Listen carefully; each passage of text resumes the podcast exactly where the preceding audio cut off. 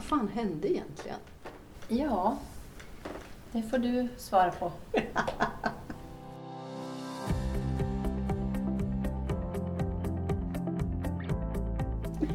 Idag så um, var vi inne på, eller du var inne på rättare sagt, så du får svara på det, men ville prata om sorg. Ja, Mm. jag kände det att eh, för att inte vi ska vara helt flummiga för människor där ute, för att vi råkar vara flummiga, så behöver vi ha någon form av tema liksom, Mm. när vi samtalar varje gång. Mm. Och för mig så har sorgen legat på under eh, en tid Mm. och jag har fått syn på den på olika sätt. Jag känner att nej, men sorg är någonting som är så pass stort och påverkar människor i så stor utsträckning. Så att, och sorgen kan vara så många olika saker och ta så många olika former också. Så jag tänker att vi kanske samtalar om sorg och ser vart samtalet för oss just kring sorgen. Det är ju ett viktigt ämne förstås, absolut. Och den finns ju individuellt eller globalt. Och det tror jag jag kan hålla med om att eh, jag känner också av den eh, på många sätt. Och eh, framförallt i våra tider nu där vi har haft och precis, eh, vi har fortfarande pågående eh, pandemi eh, till exempel globalt. Även om inte den är klassad som farlig, samhällsfarlig längre så har ju det påverkat människan otroligt mycket de senaste åren. Men så absolut, det har kommit upp till ytan på ett sätt. Och det har inte att göra bara med själva pand alltså pandemin i sig, viruset och det här, utan det har hänt så mycket för att människan, vi fick bli instängda i olika former eller liksom avstängda från varandra. Eh, och vad händer då med människor? Till exempel. Så känner jag. Eh, och där finns det mycket sorg, eller det kommer upp i alla fall olika former av sorg. För sorg som du säger är så otroligt olika. Jag tror att många förknippar sorg med en förlust, alltid. Eller inte, alltså inte alla gör ju inte det, men att, att det är många som tror att det är ens, då är det någon förlust. Man har, någon har dött till exempel. Men det är, ju inte, det är ju absolut långt ifrån hela sanningen. Sorg finns ju med oss mer eller mindre hela tiden som en väldigt kraftfull känsla. Mm. Tror jag. Ja, och jag tänker att sorg är ju också någonstans ett kvitto på en kärlek som har funnits. Ja, i alla fall någonting som betyder väldigt mycket. Ja, eh, om vi går tillbaka till sorgen på grund av att mista någon Mm. så träffar jag en hel del människor i sorg i, i olika grad. När man kommer för att man har mist någon nära anhörig till exempel. Och det, det finns inget rätt och det finns inget fel i sorg. Det finns liksom inte ett, jag vill inte uttrycka det som att det finns något fel sätt att sörja. Nej. Utan det är individuellt. Och vi vet ju alla att sorgen, för att människan ska få någonting begripligt för sig så måste vi på något sätt kategorisera saker och ting. Så det finns ju teorier framtagna just kring sorg, vilka faser du går igenom där. Det är din chockfas, och din reaktionsfas, och din nyorienteringsfas och sen har vi någon fas till däremellan. Stämmer bra. Enlighten me please. Ja, men det, det, är ju, det är ju chocken du hamnar i först. Eh, sen har du reaktionsfasen och sen har du bearbetning och sen har du nyorientering. Och alla de här chockfaserna är väl den enda, nu säger jag inte att jag vet exakt, men eh, tidsmässigt så är den olika eh, för alla människor. Men det är de delarna som, som du har med dig i den här krisen du hamnar i av något slag.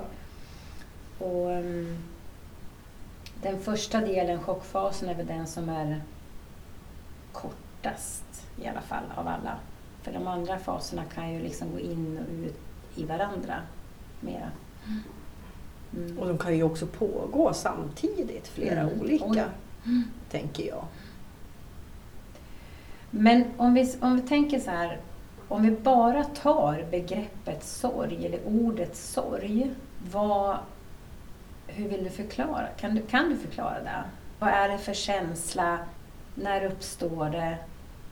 I sorgen som eh, ballong, Mm. som känsla eller tillstånd, Mm. eh, så ser jag alla känslor. Okej. Ilskan, Ja. eh, glädjen, Mm. fast glädjen är en motpol tänker jag. Mm. Men, men det finns glädje där, eh, det finns hopp, det finns förtvivlan. Det finns, jag tror hela spektrat av känslor kan representeras i den här ballongen av sorg. Samtidigt och var för sig. Och någonting som jag gärna vill ge människor och dig som lyssnar, det är att när du befinner dig och upplever någon form av sorg som är medveten, lätt att få tag på, du kan koppla den till en förlust. Ja. Så döm inte dig själv. Döm inte dig själv för att du kanske har mist någon och känner Gud vad skönt du fick den äntligen lämna. Men Gud vad tänker jag? Jag kan inte Mm. önska livet ur någon. Nej men vem säger att det här är det enda livet? Det här livet kanske inte var bra för den här människan eller för ditt djur. För att sörja ett djur Mm.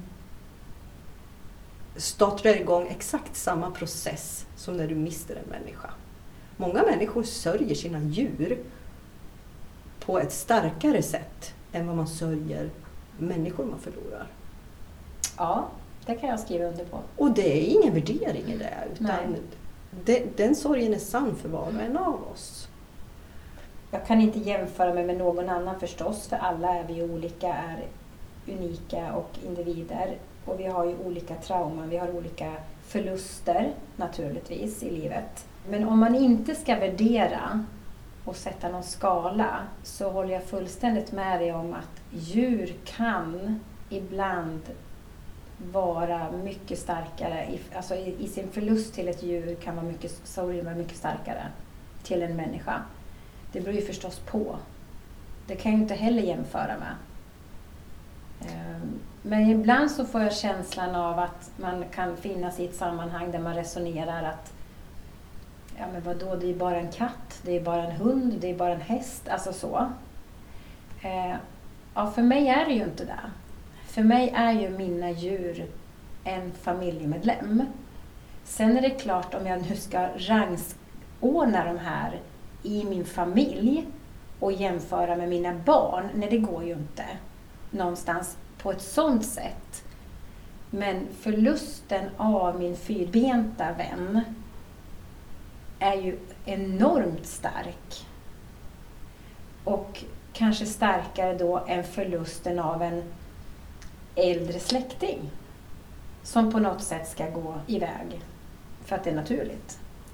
Det, alltså det, så det här är ju verkligen ingenting som du, som du säger, det är bra att du säger att man inte kan lägga skuld på sig själv i hur man reagerar i en sorg eller i en förlust, om det nu är det.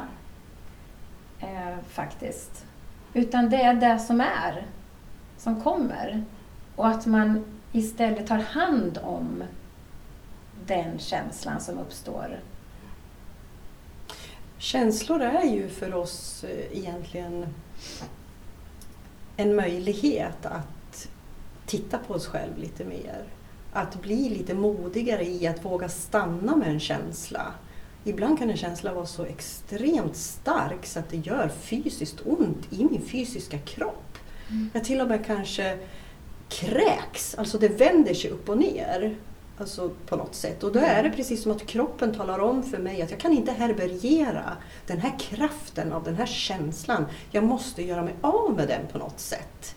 Och jag kan kräkas. Jag gråter. Allting som går ut ur kroppen är på ett sätt en, en release. Liksom. Som att man sticker lite hål på ballongen och så pyser vi ut lite grann. Och så känns det lättare att andas och sen känns kroppen lite, lite lättare. Det gör inte riktigt lika ont längre. Nej. Och det är därför många gånger jag säger gå ut. Andas djupa medvetna andetag. Andas in. Få in nytt, ny energi, ny syre. Andas ut. Andas ut det här som du behöver liksom göra dig av med. Det gamla. transporteras ut. Jag som då ser allt i energi och frekvenser ser ju de olika frekvenserna i energin, luften du andas in mot den du andas ut. Så rör på kroppen, skaka på den, hoppa, alltså promenera, spring, boxas, gör någonting så att du liksom känner att du får utlopp också för starka känslor som kan vara svåra att härbärgera i ditt fysiska skal. Liksom. Mm. Men Eh, ibland ja. får man ju faktiskt också, eller man bara ligger som i, fosterställning. ja, För att man orkar inte. får ingen... För man blir apatisk. Ja. Och det är också ett självskydd. Att stänga ner, Ja. att stänga av, att distansera dig från de starka känslorna genom Mm. att känna ingenting. Och det här är en försvarsmekanism Mm. som slår till. Mm. Ehm, och det är inte heller farligt och det är inte heller något konstigt. Utan det är ett sätt för kroppen att få vila Mm. när det är som tyngst. Ja. Och det är helt okej att i en sorg sitta efteråt på begravningskaffet eller vad man, och skratta. Mm. Skratta åt minnen, gemensamma minnen till exempel, eller komma ihåg när vi gjorde det här. Eller, och så nästa sekund så gråter man och så skrattar man och det här. Och det, det är också ett sätt att skapa en distans Mm. till det tunga liksom, på något sätt. Att, att kunna byta känslor så att det lättar upp lite grann igen. Och tid är ju egentligen det enda. Vi behöver tid. Tid skapar också en distans till smärtan. Och jag menar min mor hon gick ju bort alldeles för tidigt. Eh, och jag är fortfarande arg på henne ibland. Eh, hur fan kunde du? Var det så jävla nödvändigt? Jag var inte klar med dig än. Jag behöver dig. Jag tänkte säga du behöver. Ja! Och, och ändå så var hon färdig och, och liksom lämnade. Ehm, Och visst, vi umgås idag. Men även fast jag tror på ett liv efter det här och, och, och för mig så tror jag inte, jag vet. Och vi umgås och hon hjälper mig väldigt mycket i det här livet nu, fast hon är någon annanstans. Så är ju ändå inte relationen densamma. Nej, det är klart. Nej. Mm.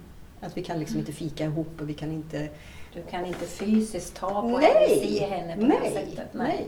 Och det, det, det, det är som det är. Men, men det gör ju inte idag lika ont. Det är inte lika smärtsamt eh, som det var då eh, tiden efter när hon eh, drog iväg. nej. Eh, och så är det med tid. Jag tänker också på djur jag har mist. När en av mina hundar skulle få lämna, då, då jag kommer ihåg, jag kände mig liksom verkligen som en mördare efteråt. Jag la så mycket skuld på mig själv där. Att hur, vem, vem är jag att vara Gud och bestämma över liv och död? Alltså den känslan var så stark i mig. Mm. Och så säger min fantastiska veterinär till mig när vi är där att men vet du vad Madeleine, det är en av de största kärlekshandlingarna du kan ge ditt djur. Ja, faktiskt. Att har jag tagit ett ansvar och tagit emot ett djur så är det också mitt ansvar att låta djuret få välja, nu är jag färdig här. Nu räcker det för mig. Och fånga upp de signalerna och också hjälpa djuret vidare. Mm. Men det, det är en, en, alltså vi har ju en syn på det här med livet, vi människor, som gör att vi tror att det här är det enda livet och att vi ska hålla oss kvar här ända in i kaklet liksom, och Mm. våra djur. Eh, Men djur är ju också så att för, det, för du sa just, eh, om jag återkopplar till det du sa, så sa du nyss en mening som jag kände att där kanske vi, alltså du, att eh, vi får, vi, alltså vi har chansen att se, eller djuret har chansen att få tala om när den är dags att lämna. Det är ju inte alla som uppfattar. Utan vi kanske uppfattar, vi kanske väl, vi gör ett val, ett medvetet val på grund av att, eh, vi, vi tar en hund då, eh, att hunden är halt, trasig, sjuk, äter inte gammal eller så, att det finns fysiska saker som gör att vi måste välja att ta bort den här. Eller det blir väldigt tydligt för Ja, dig som tydligt. djurets människa Ja, att okej, det här är inte okej längre. ja. Jag kan, om vi, fast, vi stannar, stannar vid det här med hund. Ja. Jag har ju haft några hundar i mitt liv, men eh, varav en hund väldigt speciell, eller alla hundar är ju speciella, men vid ett tillfälle så har jag i alla fall en hund som jag får ha i tre år. Sen måste jag göra ett beslut. Och det här beslutet eh, tar jag ganska... Alltså egentligen så vet jag inte när jag sitter där och då hos veterinären. För jag hade tänkt och hoppats på en kombinationsmedicinering för att han var sjuk. Men... Och det fanns det att få tillgång till. Men där så känner jag tillsammans med honom, och för, jag kan inte förklara hur, att nej. Det blir så enorma inskränkningar på hans liv.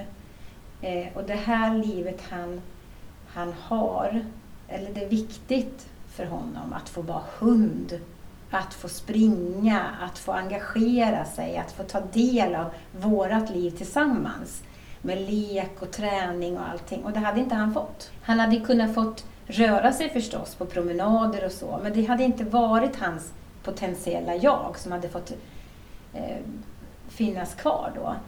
Eh, och det tänkte jag, jag bara kände där och då att, eh, att han får somna. Eh, jag tror nästan till att det var på år, alltså ett år tog det för mig att sörja och jag blir rörd nu fortfarande för att det är liksom en del som kommer, alltid kommer vara svår. Och då tror jag det ligger mycket i att, som du sa här Madde, att vi, vem är jag att vara Gud och kunna få bestämma över ett djur? Eller en alltså, alltså att jag får bestämma det här. Den är fan jobbig. Den är hemsk. Det är ett stort ansvar. Ja. När man tänker utifrån det perspektivet. Att Mm. Vem är jag? Mm.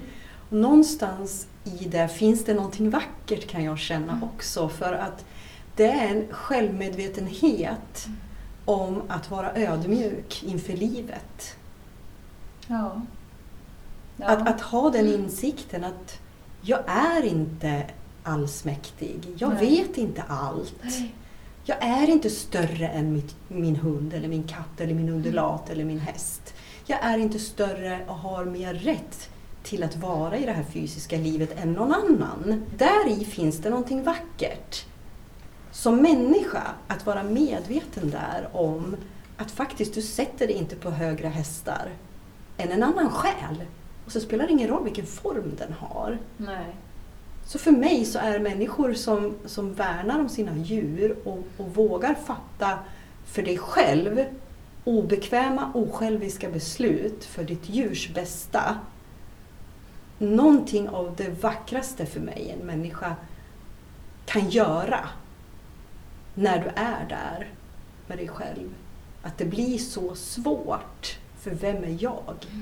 Att vara Gud och bestämma över liv och död ur det här fysiska livet. Ja, för det, och det, det är man ju inte. Utan det är ju liksom så att det är ju som du säger att man gör det här valet när vi kan göra det här valet av kärlek. För att jag vill ju heller inte att min vän ska få lida för min skull. För att jag ska gå kvar här och, och, och känna mig bekvämare med att jag inte behöver ta det här svåra beslutet. För någon dag kommer ju det här svåra beslutet oavsett. Eh, och då har du ju fått, då har du liksom bara förhalat den här tiden till det är dags av ditt eget ego. För att det är jävligt jobbigt. Ja, det är jävligt jobbigt.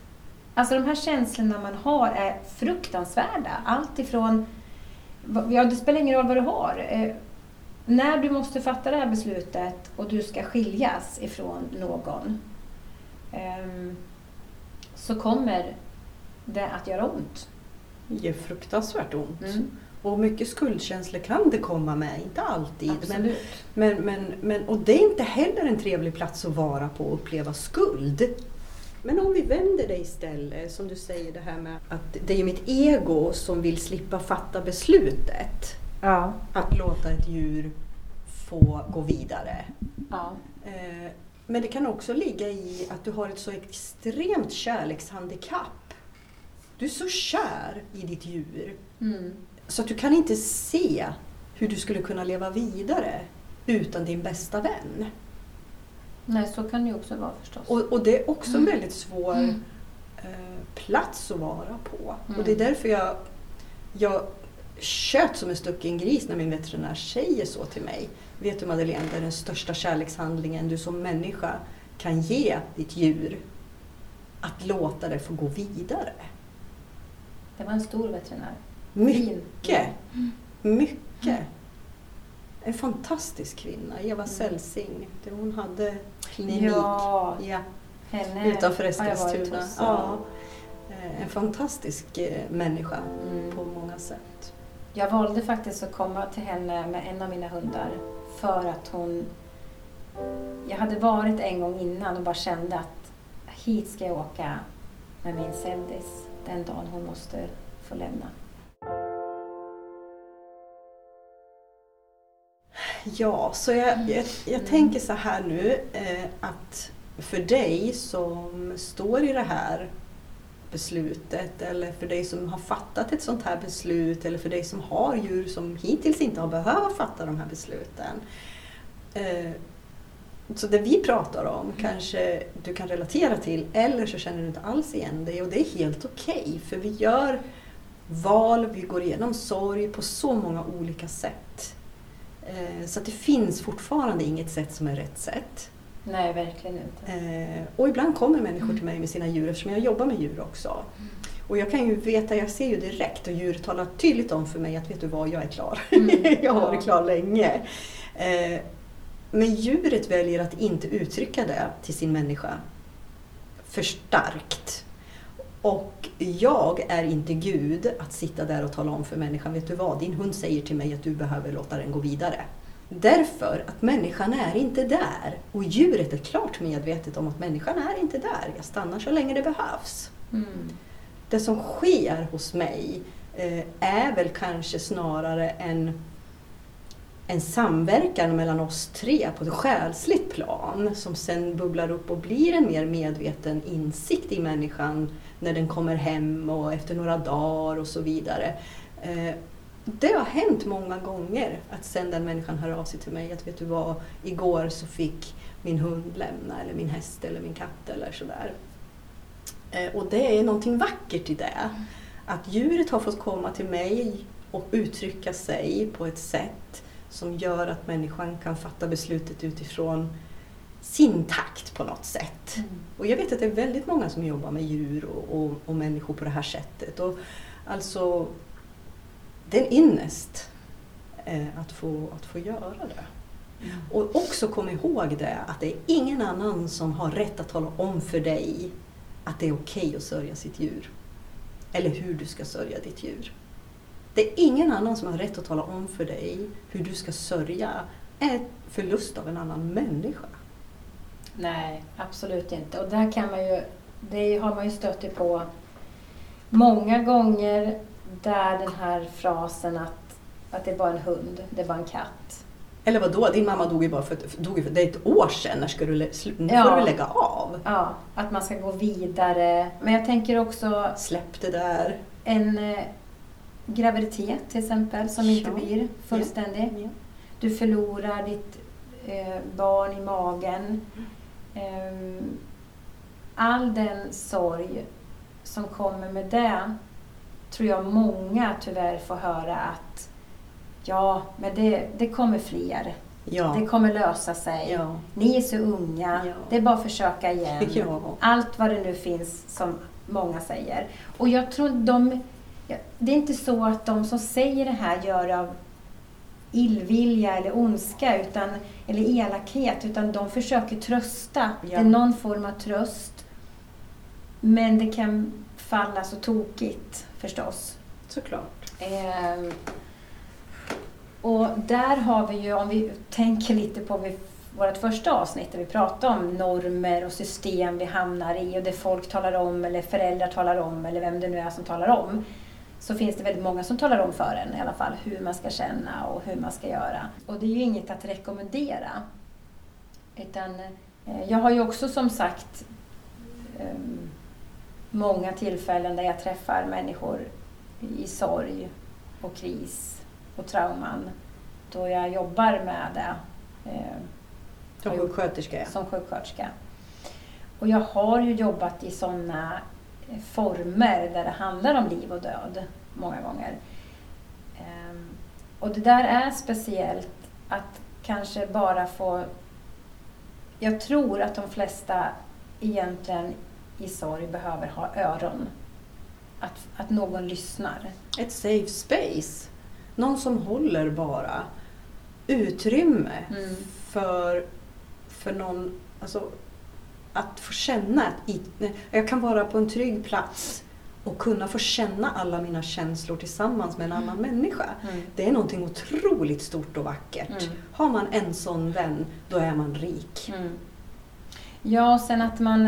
Eh, alltså jag, jag har ju fått det till mig många gånger i sådana situationer, kanske inte precis där och då, men efteråt, att de är tacksamma för jag har vågat stått där, jag har vågat funnits kvar.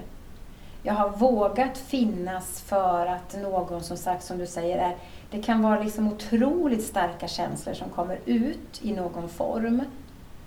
Eh, och där tror jag, jag har ju själv har erfarenhet av det, där liksom andra då försöker ge en tröst i form av de här klyschorna eller sättet att svara upp på. Eh, men sorgen blir inte mildare för det. Eh, men den blir faktiskt hanterbar av att ha någon som bara finns där. Som inte dömer mig eller värdesätter eller ifrågasätter eller vad det nu är. Så det, det är en, en reflektion som jag har gjort många gånger i just sorg. Och jag tänker det också, att är man i den situationen så känn efter vart någonstans du har en, en, en människa som kan erbjuda det här med ett, ett, ett safe space. Mm. Att hålla dig utan att lägga sig i. Så att du kan bara landa in där och få känna dina känslor i en trygg miljö. Det kommer vara otroligt hjälpsamt. Mm. Men om vi tittar på sorg då. Det finns så som, nu har vi varit inne lite på det här med förluster. Eh, och, alltså sorg är ju liksom en, innebär väldigt mycket. Eh, men det behöver ju inte vara en förlust av ett djur eller en människa alla gånger. Utan det kan ju vara något annat. Ja, det kan det. Mm. Alltså, sorgen kan ju liksom vara förklädd många gånger. Mm. Eh, och jag vet inte om jag sa det här vid något annat tillfälle när vi pratade, att jag för ett par år sedan eh, sa till min vän och kollega Helena att men gud, alltså, det, det är någon känsla som bor i mig som jag inte känner igen. Alltså jag kan inte ta på den. Jag kan, jag kan liksom känna att den flyttar sig i min fysiska kropp. Eh, jag kan inte identifiera den. Jag vet inte vad det är för någonting riktigt. Och bara genom att säga det här så kände jag att det började röra på sig i mig. Och så tittar hon på mig och så säger hon så här, men det är väl sorg, säger hon. Och då kände jag direkt att nu händer det någonting i mig. Madeleine, du har genomgått en ganska stor förändring på ganska kort tid med dig själv. Tror du att det kan vara så att du känner en sorg för att andra inte förstår dig längre? På samma sätt som man har gjort tidigare. Därför att du är en annan människa nu. Och du är på en annan plats med dig själv. Och där och då så kände jag bara, off, det var som liksom, okej, okay, jag fattar grejen. Mm. Tack, sa jag där. Mm. Och så gick det en tid och så kände jag att det lättade inte, även om insikten var hos mig, så, så lättade liksom inte det här riktigt. Och det jag inser då, det är ju att det är en kollektiv sorg som har förstärkt min egen. Och det var också under den här perioden med covid och alltihopa. Det var många som miste nära anhöriga. Det fanns ju sorgen i det här med att att eh, leva i rädsla till mm. exempel. Att tänk om det är jag eller någon av mina anhöriga som blir sjuk. Eh, sorgen över att inte längre kunna få vara tillsammans, att få vara fri mm. och få göra det vi brukar göra. Så det fanns sorg i så många lager eh, hos hela världens befolkning. Och jag då som i, återigen ser alltid frekvenser och energi. Jag såg ju den här dimman som tung, la som en våt filt över oss allihopa. Och det är klart att den känns ju. Mm, absolut. Och sen kan vi vara mer eller mindre medvetna om att jag påverkas av den. Och när jag såg den tillsammans med min egen personliga sorg, så där började det hända saker och ting. Och så lät jag den få bo där och liksom marinera mig lite grann och få liksom vara en vän med mig och jag lät den kännas och, och, och så vidare tills den liksom ebbade ut på något sätt. Och då, då var den färdig. Och då kunde jag hamna i den här nyorienteringsfasen på något sätt. Att mm. Okej, okay, nu vrider vi vidare. Vart ska jag någonstans? Och vad behöver jag i mitt liv för att jag ska må bra? Och vem är jag? Och, och sådär. Um, så även det här kan ju ibland påverka oss utan att vi är medvetna om det. Mm. Och även om du inte är en medveten människa som förstår nu när jag pratar alltså om energi och frekvenser och så vidare mm. så det påverkar dig vare sig du vill eller inte. Bara det att det sker på ett omedvetet plan. Ja, eh, och nu vet inte jag om jag kan säga att jag ser energier och frekvenser som du gör, men jag, har ju, jag är ju medveten om energier. Det är ju, för att vi är, det är ju bara energier omkring oss och i oss själva. Men jag kan ju faktiskt också nu i efterhand har jag också gjort den här reflektionen över um, um, jag var inte så ty jag var, tror inte jag var så medveten om det i, som du kanske var i att det bodde en känsla, att det var så, alltså så på det sättet. Men för mig var det skitjobbigt efter ett tag när corona... Jag jobbar ju då som sjuksköterska som sagt, så jag har ju jobbat och jobbat och jobbat och så gått hem och så jobbat och gått hem och jobbat och gått hem typ i två års tid. Och det var corona, det var covid, det var covid, det var covid, det var covid hela tiden. Så jag hade ju ingen distans till det här alls. Plus att jag såg alla som drabbades förstås av det här. Eh, rent fysiskt och i förluster och allting. Och jag själv drabbades i form av förlust, visserligen på avstånd men ändå eh, ändå av familj, med, familj som vi har umgåtts med sedan jag var liten. Så självklart, eh, det påverkade. Men vad som egentligen var jobbigast för mig, det var att jag just blev separerad på något sätt.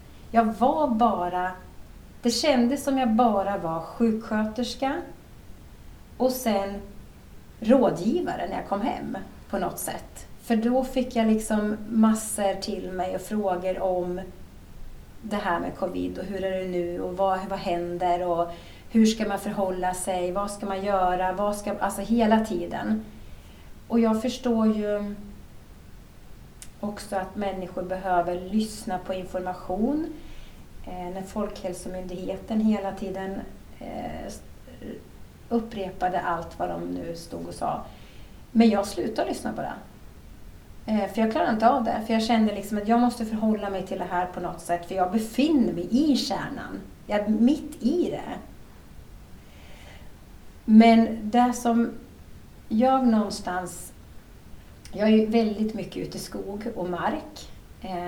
Och där någonstans, och det är ju som att den meditationen jag får eller den upplevelsen jag får av träden, av skogen, av marken, av vinden, av luften, allting, när jag är där, då upptäcker jag saker och, då reflekterar jag en dag över och börjar gråta liksom, när jag var ute och cykla. Och förstod först inte vad handlar det här om. Men då kom det liksom den här äh, sorgen över egentligen så, jag kan klara en separation. Jag kan klara att vara ensam, för jag tycker om att vara med mig själv. Jag tycker om mig själv. Så jag har inget problem att vara med mig själv. Men det fanns en sorg för mig också över all jävla rädsla som fanns helt plötsligt överallt. Och för mig var den här rädslan påtvingad delvis, faktiskt. Medan om vi säger så här att jag står mitt framför ett hot, normalt sett, av det nu, vad det nu är, och jag blir rädd, det är en annan sak.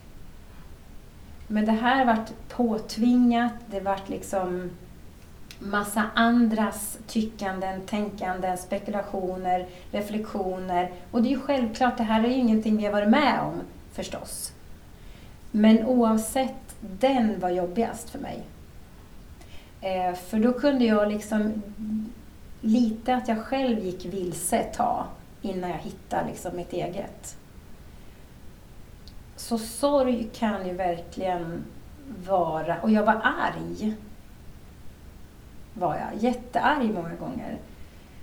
Mm, men det var ju också en förklädd sorg någonstans. Och jag vet inte faktiskt om sorgen ligger i att vara en skör människa överhuvudtaget. Nej, sorg är ju en, en helt naturligt tillstånd. Mm. Alltså. Det är ju en del utav att vara människa. Mm. Så Ja, det har nog inte med skörheten Nej. att göra utan det är väl snarare din egen upplevelse av sorgen som när man är en människa som känner känslor och, och, och tar ansvar för dem och liksom låter dem få vara en del av sitt liv och är vän med dem Mm. på ett medvetet sätt. Din upplevelse av sorg blir säkert annorlunda mot en människa som inte tycker att känslor är så viktigt. Utan de är bara, de ska passeras och de ska läggas på hyllan och sen så ska vi vidare. Liksom. Mm.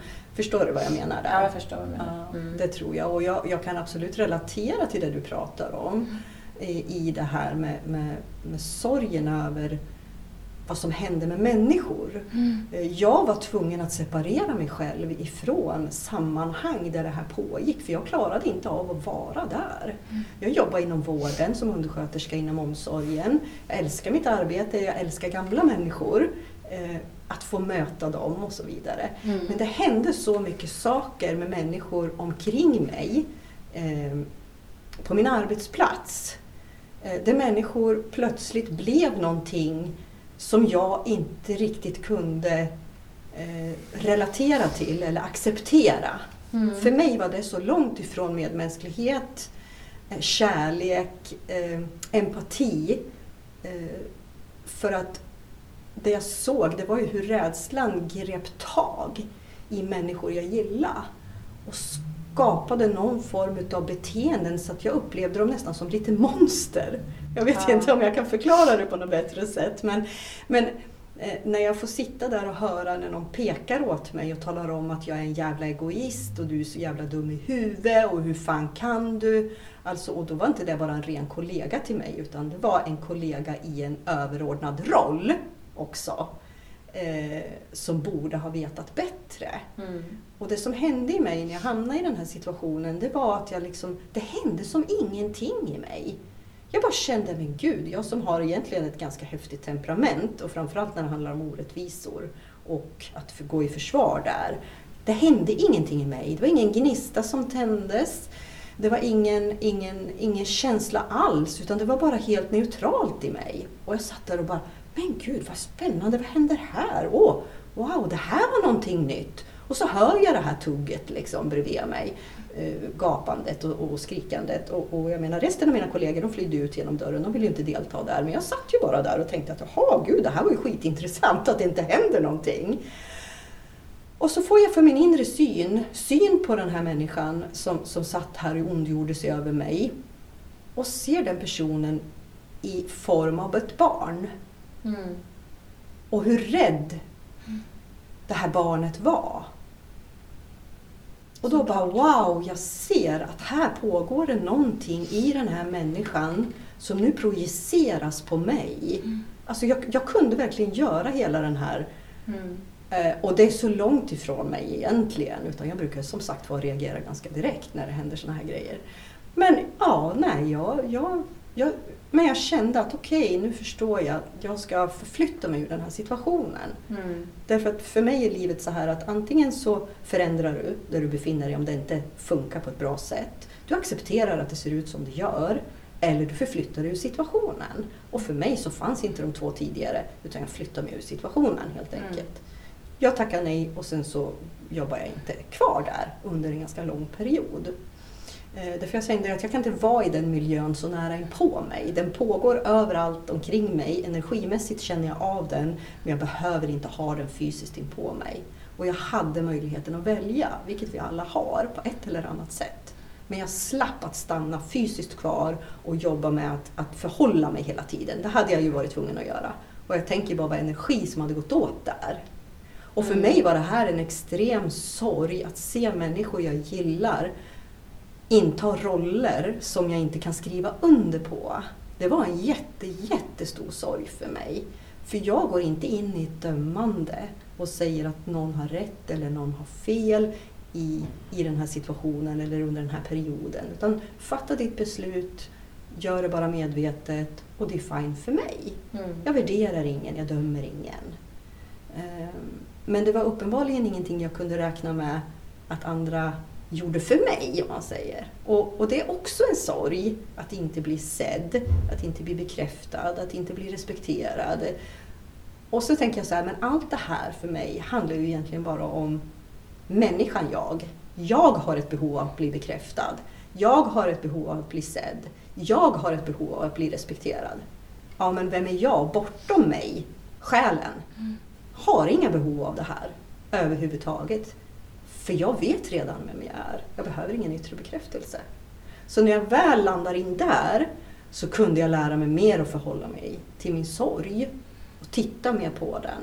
Att okej, okay, fine, jag känner ju den här sorgen, jag känner den i andra, men, men okej, okay, jag får liksom ta mig till andra platser och göra någonting annat där jag slipper förhålla mig till det här hela tiden och påminnas om det så att jag halkar ur mig själv och ut i egot igen och Mm. börjar värdera själv. För jag vill inte vara där. Det är inte en bekväm plats för mig att vara på. Så sorgen kan tas på så många spännande vägar, tänker jag. Eh, mer än att uppleva en sorg i en förlust. Mm. För jag vill inte vara någon som pekar finger åt andra. Vi alla människor är större än så. Vi är Mm. större än så. Det är vi ju. Ja. Sen pekar vi ju finger förstås. Händer ju. I alla fall har det har det gjort. Det är klart att det gör och det gör Mm. ju jag också. Men Men Ja. absolut, och framförallt tänker jag så här, men jag tänker också att om man nu, nu har vi pratat lite om det här med Mm. att det här är ju, alltså det var ju mycket rädslor, absolut. Men jag upplevde ju också väldigt mycket fint och vackert eh, i det här också. För jag fick ju som jag säger, stå mitt i allting och se eh, kollegor som eh, som jag har liksom tänkt och sett som otroligt duktiga, skickliga människor som kan hantera jättesvåra situationer eh, bryta ihop totalt. Känslomässigt. Och jag menar, vid något tillfälle så vet jag att jag stod och tänkte att men gud, jag befinner mig på en krigsplats. Det här är liksom ett krig. Så. Eh, Men det, det fina med var att liksom det, det liksom i allt kaos i början så, så liksom hjälptes vi åt.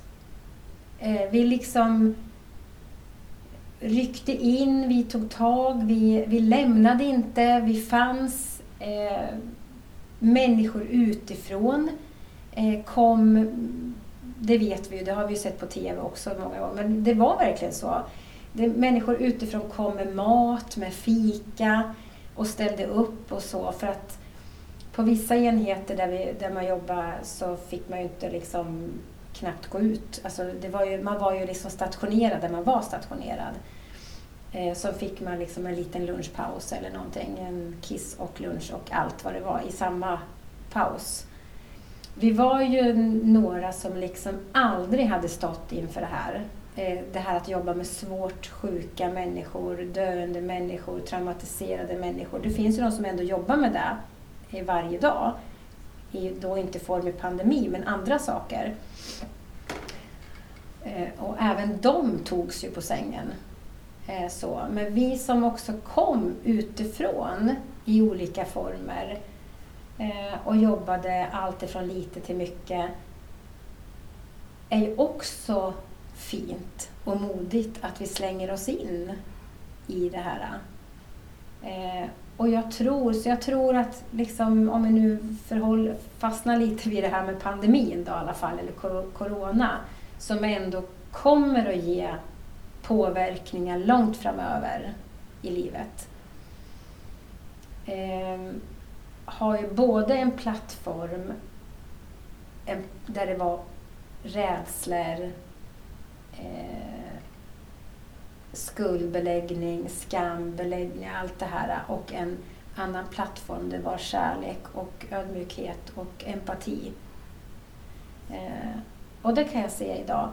Eh, och, så den här resan har ju varit väldigt stark för mig på många sätt. Eh, men, och det finns fortfarande en, en viss sorg, men sorgen är inte obehaglig eller otäck. Utan den är egentligen eh, fin, skulle jag vilja säga. När jag liksom känner och tänker tillbaks eller när jag liksom ser vad som, skulle, vad som kan komma. Eller liksom... Och jag är inte rädd för den det är himla fint eh, sammanfattat och tack för att du delar den sidan. Det gör ju att vårt samtal blir ju mer nyanserat än mm. min upplevelse. Mm. Eh, och det finns ett jättevärde för den som lyssnar säkert att kunna få ta del av det på olika sätt. Mm. Eh, och också att nu, som jag upplever det när du säger det, att sorgen finns kvar men på ett annat sätt. Nu är den mer fin. Eh, mm. är också det att, att det har skapats ett mellanrum mellan den akuta liksom, känslan till, till idag. Att tiden har liksom skapat det här mellanrummet. Ja. Um, och då är vi tillbaka där vi började prata, att egentligen så är tid det vi behöver. Vi kan inte pressa fram eh, att sorgen ska lämna oss. Nej. Utan den, den behöver sin mm. tid och den behöver sin plats och den behöver sitt utrymme. Mm. En annan situation som jag kan ha upplevt sorg det är ju när relationer tar slut. Mm. Man går skilda vägar.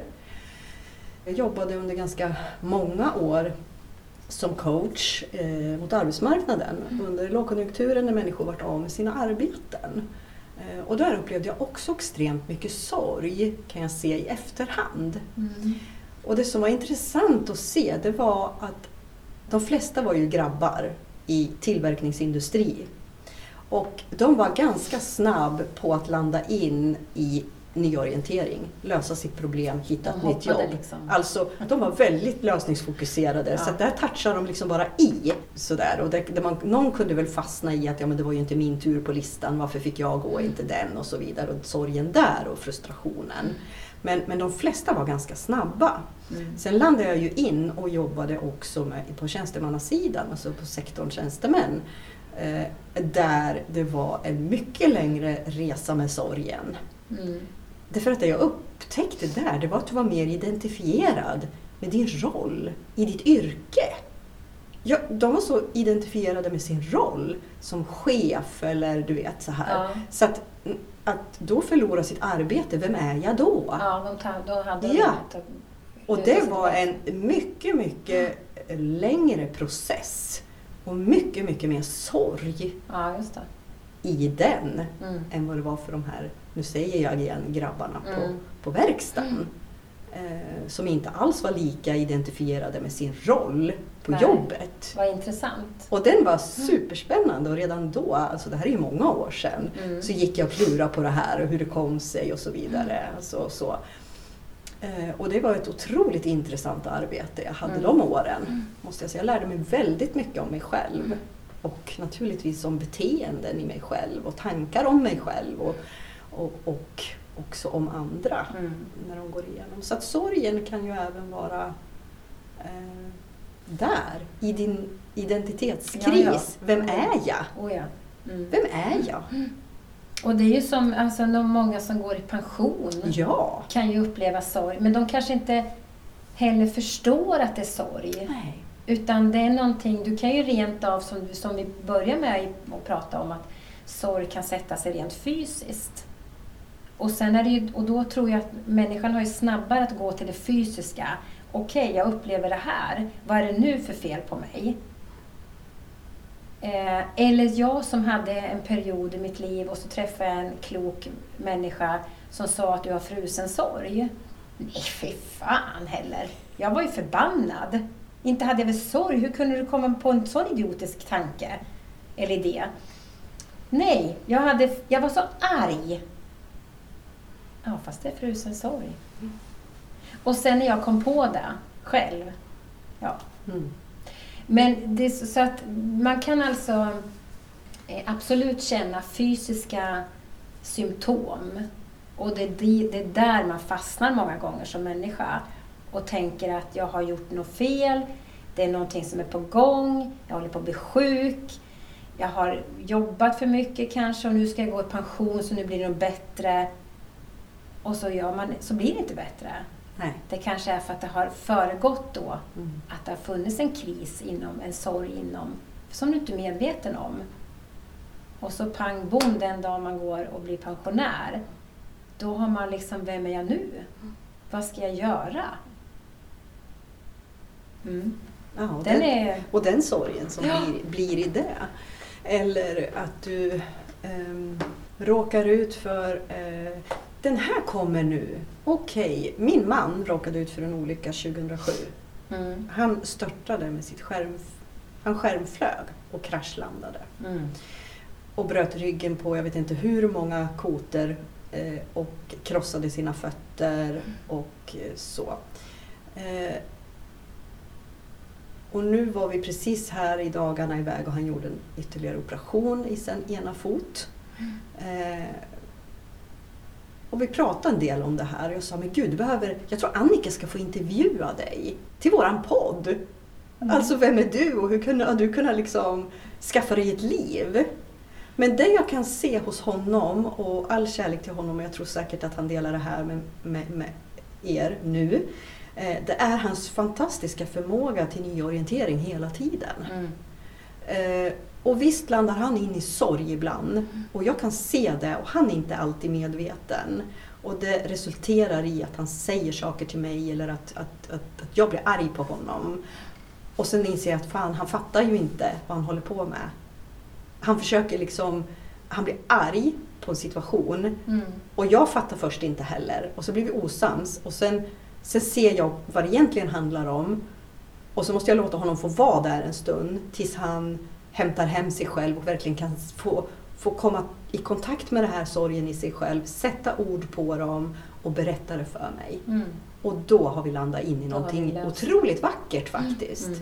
Mm. Eh, ja, jag har precis ett sånt minne när vi var i Norge och vi var så osams. Vi stod uppe på ett berg och fattade inte hur vi hade kommit upp där för hur fan skulle vi komma ner därifrån? Vad fan var det som hände? Ja precis, vad fan var det som hände? Och jag hade ju sett hela det här scenariot innan vi åkte hemifrån att där uppe skulle jag stå och bara blicka ut över den här fantastiska utsikten över Mm. vattnet och de här vita sandstränderna mitt i, du vet, så här, på Och det blev Lofoten. inte riktigt så.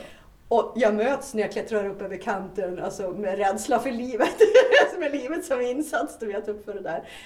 Av honom och hans totala ilska liksom. Men det det var egentligen, det var ju sorgen som var en rädsla som vart en ilska Ja. över hans fysiska kropp som inte kunde bära honom på det Ja. sättet han önskade för att få de här upplevelserna. Såklart. Eh, och det är också en sorg Mm.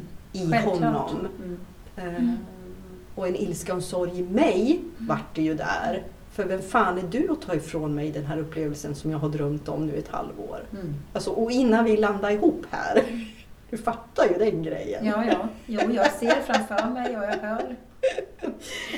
Så, alltså, sorg kan ju ta sig så himla många fantastiska uttryck. Ja, och det är inget vi blir av med. Nej. Nej, hur, vi än, alltså, hur mycket vi än skulle jobba med det, försöka bli av med så kommer vi aldrig, så länge vi lever kommer vi ha sorg i Ja. någon form. Det kommer och går. Eh, den är ibland svår att hitta för att den döljs utav andra känslor som är lättare att ta på eller lättare att hantera. Jag sagt. tänker att vi är på det här spåret med Mm. det du plockade upp nu, med din, eh, det du fick en vetskap om, med Mm. din ilska, Mm, är ju egentligen en frusen sorg i mm, dig. Mm. Eh, Och att vi alla bär de här ärren i oss Mm. av livet och Mm. upplevelser Mm. med olika typer av sorg som vi inte har erkänt. Mm. Vi har inte tagit hand om den känslan och låtit den få komma till uttryck. Nej, för att det fanns inte utrymme just då Nej. helt enkelt. Och vi var inte kapabla eller vi kanske Nej. inte ens var medvetna. Mm. Och sen i livet så händer det grejer och sen plötsligt så pluppar det liksom Mm.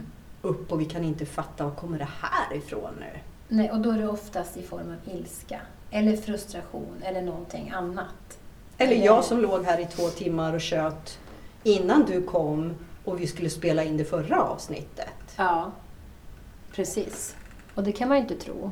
Men jag lät, Men så är det ju. jag lät den bara få vara där eh, och sen var det bra. Liksom. Ja.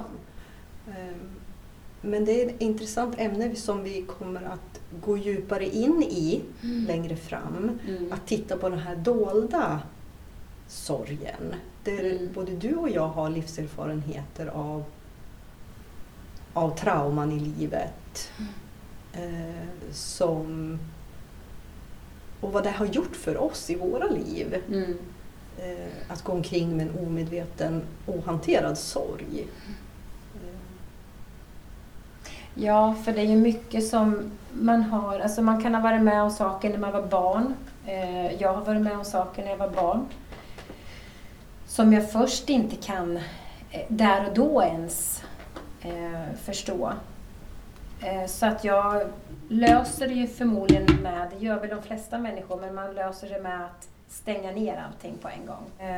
Och framförallt så tror jag, idag vet jag ju att det är skam och skuld som i mitt fall i alla fall många gånger har funnits där. Eh, och som du sa här, bara för att gå in lite på det, att eh, när det då dyker upp någonting i livet sen när man är vuxen eh, eller man möter en partner eh, och i den relationen där man ska skava ihop sig och man ska hitta någonting så händer det ju saker förstås. Eh, då kan ju det väckas till liv.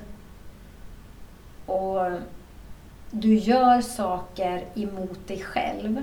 Du, du överger dig själv, du skadar dig själv för att vara tillmötesgående i den här relationen, till exempel. Eller den här, för den här partnern. Eh, och då lägger du ytterligare på dig själv någonting som läggs där och det skaver och skaver men du vet inte, du kan inte hantera det. Eh, till slut så tror jag, eller för mig var det i alla fall så att ilskan, ilskan blev ett skydd. Ett jättebra skydd för mig. För jag har ju också ilskan i form av drivkraft i mitt liv. Men då är den positiv. I det här fallet jag pratar om nu, sådana saker, då är det ju inte, då är det inte positivt, det är negativt. Eftersom jag skuldbelägger mig, jag kanske skuldbelägger min partner. Eh, jag eh, värderar, dömer och allt vad det nu är för någonting. Tills jag förstår vad det handlar om. Och då är det den dolda sorgen som du pratar om, den djupa sorgen som man har låst in någonstans för att den gör så jävla ont. Eh, och den är så skuldbelagd, inte bara av mig själv. För är jag liten så förstår jag inte, men den är otroligt skuldbelagd av hela samhället. Det finns sorg på alla I- dess plan. I många, många former. Många former, ja. I många former. Mm. Och, eh, om vi ska rappa ihop det här lite grann, tänker jag och känner väldigt tydligt, det är att det finns inget rätt och det finns inget fel. Nej, Det finns ett rätt sätt för alla, var och en. var och en, ja. Inte ett generellt svar på att det här är rätt sätt att sörja. Eller rätt sätt att bemöta sin sorg. Eller rätt sätt att hantera den. För ibland behöver vi be den gå. Mm. För att vi ska kunna fortsätta att leva. Mm. För att vi ska överleva också. Ja, Faktiskt och, och, och när vi sen växer och vi utvecklas som människor och blir lite kanske äldre om vi har råkat ut för saker när vi var yngre. Så behöver tiden, så, alltså tiden behöver så lång tid på sig. Så att mellanrummet, distansen till upplevelsen som skapade den här sorgen från början blir större. Mm. För att vi sen ska kunna vända oss om. Okej, nu är jag en annan människa Mm. än när situationen uppstod. Vilket gör att jag kan hantera det här på ett mycket, mycket mer medvetet sätt. Jag, Mm. har en annan, jag är rustad på ett annat sätt idag än vad jag var då. Mm. Och där kan vi plocka hem den och ta hand om den och låta den få sörja ut och klinga av. Och sen kan vi gå ut i livet med den som en referens istället. Att dela kanske med andra eller jag kanske kan förstå andra på ett bättre sätt och hålla space för andra på ett mer, mer större sätt än Mm. tidigare. Så att, ja, så. Ja men det, så är det ju. Och det är ju liksom vad man än är med om så skapar det ju ett sår. Eh, och det här såret är litet eller stort. Öppet eller djupt eller ytligt. Det spelar ingen roll. Det är ett sår. Men såret kommer att läka. Och vet du vad? Att sår läker inifrån och ut. Ja. Det kommer inte att läka där du sätter plåstret på. Nej, men det kommer att läka till slut. Till slut gör det det. Men det blir ett ärr också kvar. Ja. Och ärret ska få finnas där. Och det kan man, det, jag brukar tänka ibland, eller känna, liksom att jag känner på ärret hur det känns. Mm. Och det är faktiskt ganska fint också, för det är någonting som är kvar av något som kanske var hemskt, men som jag kan ta hjälp av idag. Så tiden har du helt rätt i att den, den liksom ger distans till att öppna såret, till att det är läkt och det är ett ärr man känner. Så Mm. det vi kan säga kanske Mm. är att du är inte fel. Nej, Nej, det, i din det. sorg. Nej, absolut inte. Absolut inte. Men du, då avslutar vi för idag, vårt samtal. Det gör vi. Ja. Tusen tack för idag. Och vi ses en annan dag. det På gör vi. återseende. Puss och kram. Tjing på er!